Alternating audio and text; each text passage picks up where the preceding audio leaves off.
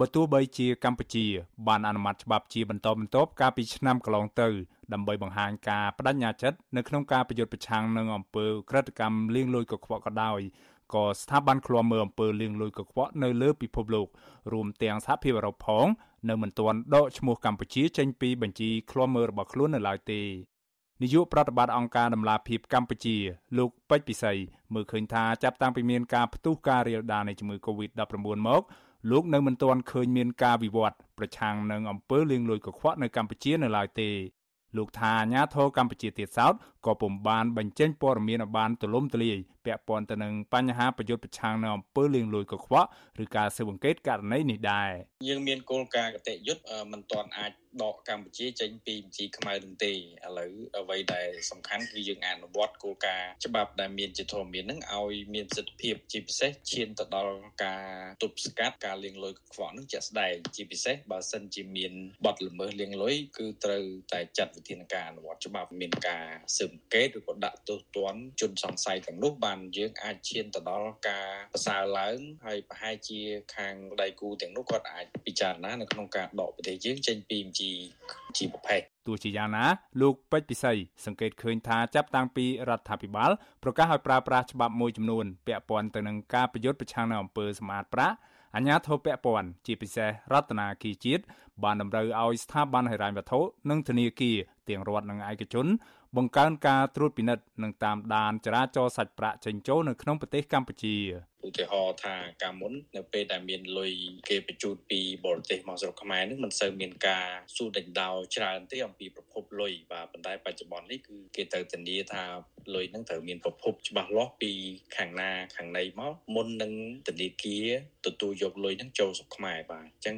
កិច្ចការនេះយើងឃើញថារដ្ឋាភិបាលជាតិគាត់បានជំរុញឲ្យធនាគារហើយនិងគ្រឹះស្ថានថងធ្វើកិច្ចការនឹងបាទជុំវិញបញ្ហាប្រយុទ្ធប្រឆាំងនឹងអំពើលាងលុយកខ្វក់នេះអ្នកនាំពាក្យអគ្គស្នងការដ្ឋាននគរបាលជាតិលោកឆៃកំខឿនពន្យល់ប្រាវិសុវអាស៊ីសេរីកាលពីពេលថ្មីថ្មីនេះថានៅក្នុងឆមាសទី1ក្នុងឆ្នាំ2021នេះអាជ្ញាធរកំពុងបើកការស៊ើបអង្កេតលើករណីមួយចំនួនដែលលោកសុំមិនបញ្ចេញតួលេខជាក់លាក់ឲ្យដឹងដោយសារតែអាចប៉ះពាល់ដល់ការស៊ើបអង្កេត លោកថាអាញាធរកំពុងខិតខំធ្វើកិច្ចការនេះយ៉ាងសកម្មប្រកបដោយឆន្ទៈបទពិសោធន៍ក្នុងការសម្អាតប្រាក់នេះមានពាក់ព័ន្ធស្មុគស្មាញច្រើនណាស់ជាពិសេសបទល្មើសទាំងអស់នេះភាគច្រើនស្ថិតក្រោមការចាត់តាំងច្បាស់លាស់ដែលមានខ្សែរយៈបណ្ដាញប្រជាជនរៀបចំសេណារីយ៉ូនិងក្រុមខ្លះក៏ប្រើប្រាស់ប្រព័ន្ធចែកឈាមទំនើបទៀតផងអឺបញ្ជាក់ដោយខ្លីថាយើងនៅតែបន្តសហការយ៉ាងសកម្មក្នុងការតាមដានសង្កេតឃ្លាំមើលសកម្មភាពដែលសង្ស័យពាក់ព័ន្ធការសម្ប្រាក់ដោយសហការជាមួយនឹងអង្គភាព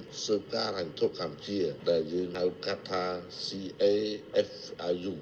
ផ្ទុយពីការអាងនេះអ្នកខ្លមមើលបញ្ហាសង្គមនិងនយោបាយបណ្ឌិតសេងសេរីនិយាយថាលោកពុំមានជំនឿទៅនឹងវិធានការរបស់រដ្ឋាភិបាលនៅក្នុងការដោះស្រាយបញ្ហាលាងលុយកខ្វក់នេះទេព្រោះលោកថារដ្ឋាភិបាលតែងតែប្រើយុទ្ធសាស្ត្របដិសេធនិងបកស្រាយតែខ្វះដំណោះស្រាយជាក់លាក់ អាហ្នឹងគេហៅថាយុទ្ធសាស្ត្រកាយកប់ត្រឡប់ជន់ហ្នឹងអញ្ចឹងហើយសម្រាប់ខ្ញុំខ្ញុំមើលឃើញថាវាទៅអត់រួចទេវាបញ្ហាវាវាអត់ត្រូវការការបកស្រាយវាត្រូវការការដោះស្រាយជំងឺវាអត់ត្រូវការការប្រឹក្សាជំងឺទេវាត្រូវការថ្នាំលេបដើម្បីព្យាបាលជំងឺអញ្ចឹងការលាងលុយកខ្វក់នេះវាជាផ្នែកមួយនៃបញ្ហាវាជាផ្នែកមួយនៃជំងឺសង្គមដែលត្រូវការដំណោះស្រាយសមស្របមួយព្រោះយើងតាមបានព័ត៌មានកន្លងមកយើងឃើញថាយើងយើងសឹងតែអត់មានទិន្នន័យហ្នឹងមកយើងមិនដឹងថា ការចាប់បានលុយដឹកទាំងយន្តហោះដឹកលើយន្តហោះមកហ្នឹងអាចចាប់បានចុះអាចចាប់មិនបានមិនមិនអាហ្នឹងដូចគេហៅ iceberg អញ្ចឹងណាបើយើងមើល iceberg មានន័យថាអាតកនដែលទឹកហ្នឹងអាក្បាលក្បាលតកននៅលើទឹកហ្នឹងឃើញតូចទេប៉ុន្តែអាខាងក្រោមហ្នឹងវាធំកាលពីខែមីនាកន្លងទៅស្ថាប័នពង្រឹងការអនុវត្តច្បាប់ប្រឆាំងនឹងអក្រិតកម្មហិរញ្ញវត្ថុហៅកាត់ថា FinCEN របស់សហរដ្ឋអាមេរិក បានជូនដំណឹងដល់គ្រឹះស្ថានហិរញ្ញវត្ថុទាំងអស់នៅអាមេរិកឲ្យបង្កើនការឃ្លាំមើលអំពើលាងលុយកខ្វក់ដែលមានប្រភពចេញពីកម្ពុជាការជូនដំណឹងនេះធ្វើឡើងស្របតាមការសម្រេចចុងក្រោយរបស់អង្គការឃ្លាំមើលអំពើលាងលុយកខ្វក់នៅទូទាំងពិភពលោកឈ្មោះក្រុមការងារហិរញ្ញវត្ថុឬហៅកាត់ថា FATF បែបតាមសេចក្តីសម្រេចរបស់អង្គការពិភពលោកមួយនេះកាលពីថ្ងៃទី25ខែកុម្ភៈកម្ពុជានៅតែបន្តជាប់ឈ្មោះអស់រយៈពេល3ឆ្នាំជាប់គ្នា ថាជាប្រទេសដែលពិភពលោកត្រូវបង្កើនការឃ្លាំមើលពាក់ព័ន្ធនឹងអំពើលាងលុយកខ្វក់ទន្ទឹមនឹងនោះកាលពីចុងឆ្នាំ2020សហភាពអឺរ៉ុបក៏បានដាក់បញ្ចូលកម្ពុជា ក្នុងបញ្ជីផ្លូវការនៃក្រុមប្រទេសដែលងាយរងគ្រោះខ្លាំងបំផុត ខាងអំពើលាងលុយកខ្វក់និងហេរ៉ាញ់ប្រទានភេរវកម្មស្របតាមសេចក្តីសម្រេចរបស់អង្គការឃ្លាំមើលអំពើលាងលុយកខ្វក់របស់ពិភពលោកនេះដែរ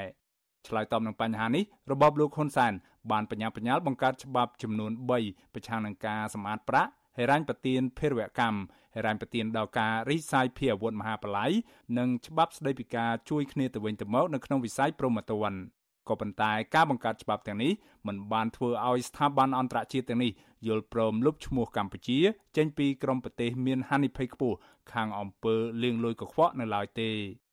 ខ្ញុំបាទមេរិត Visual C ស្រី រាយការណ៍ពីរដ្ឋធានី Washington